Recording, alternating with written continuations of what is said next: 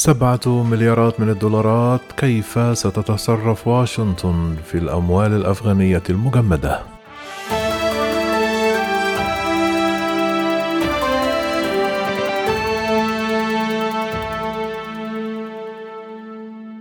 كشف تقرير صحفي أمريكي مصير سبعة مليارات من الدولارات أودعها البنك المركزي الأفغاني في الولايات المتحدة الأمريكية قبل سيطرة حركة طالبان على أفغانستان في شهر أغسطس من العام الماضي. كما ذكرت صحيفة نيويورك تايمز الأمريكية أن الرئيس جو بايدن يعمل على تقسيم هذه الأصول ليحصل أهالي ضحايا هجمات الحادي عشر من سبتمبر على مبلغ ثلاثة مليارات فاصل خمسة فيما يذهب نصف المبلغ الآخر للمساعدات الإنسانية لأفغانستان. كما نقلت الصحيفة عن مصادر مطلعة على المداولات الداخلية الجارية أن الرئيس جو بايدن يعمل على تمهيد الطريق القانوني لبعض أقارب ضحايا هجمات الحادي عشر من سبتمبر للسعي للحصول على أموال من نصف تلك الأصول والبالغ ثلاثة مليار فاصل خمسة. في الوقت نفسه سيصدر الرئيس الأمريكي أمرا تنفيذيا يستدعي سلطات الطوارئ لتوحيد وتجميد جميع الأصول البالغة والتي يحتفظ بها البنك المركزي الأفغاني في نيويورك ويطلب من القاضي الإذن بتحويل نصف المبلغ الآخر إلى صندوق ائتماني لتمويل جهود الإغاثة الإنسانية الفورية في أفغانستان. ومن المتوقع أن يتم الإعلان على تلك الخطوات غير المعتادة رسميا في وقت قريب لتكون بمثابة معالجة لعقدة متشابكة من المشاكل القانونية والسياسية والخارجية والإنسانية الناجمة. عن هجمات الحادي عشر من سبتمبر من عام 2001 ولتكون نهاية للحرب التي استمرت عشرون عاما في أفغانستان. وعندما تم حل الحكومة الأفغانية في أغسطس المنصرم بعد سيطرة حركة طالبان وفر كبار المسؤولين من البلد من بينهم الرئيس وحاكم البنك المركزي.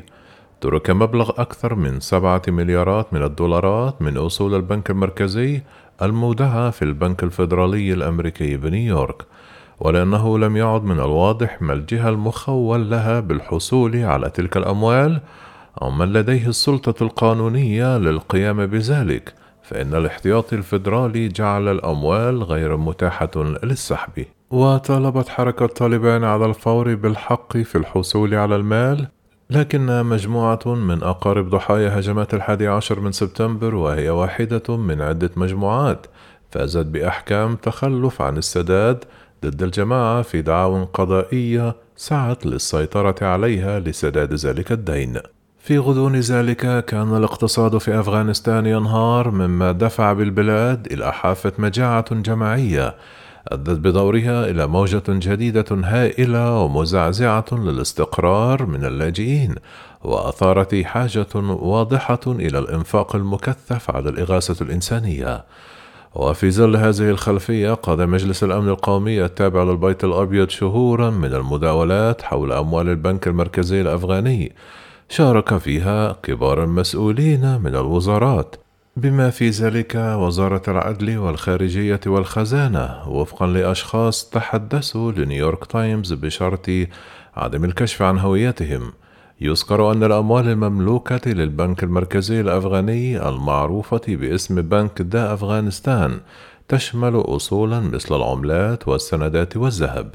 وجاء جزء كبير من تلك الأصول من أموال النقد الأجنبي التي تراكمت على مدار العشرون عاما الماضية. في الوقت الذي كانت فيه الولايات المتحدة ودول غربية أخرى تتبرع بمبالغ كبيرة لأفغانستان مما ساعد على توليد هذا النشاط. بالإضافة إلى ذلك فإن حوالي نصف مليار دولار من أصول البنك تعود لاحتياطات البنوك التجارية في أفغانستان والتي بموجب القانون يجب أن تحتفظ بقدر معين من ودائعها بما في ذلك مدخرات الشعب الأفغاني العادي في البنك المركزي وهذه الأصول مملوكة لبنك دا أفغانستان لكنها مدينة بالمبلغ نفسه للبنوك التجارية. يشار إلى أنه بعد أن استولت طالبان على أفغانستان عينت مسؤولا تابعا لها لقيادة البنك المركزي وطلبت بالإفراج الفوري عن الأموال المحتجزة في نيويورك لكن في ظل عقوبات مكافحة الإرهاب طويلة الأمد التي تفرضها الولايات المتحدة فإنه من غير القانوني الدخول في معاملات مالية مع طالبان.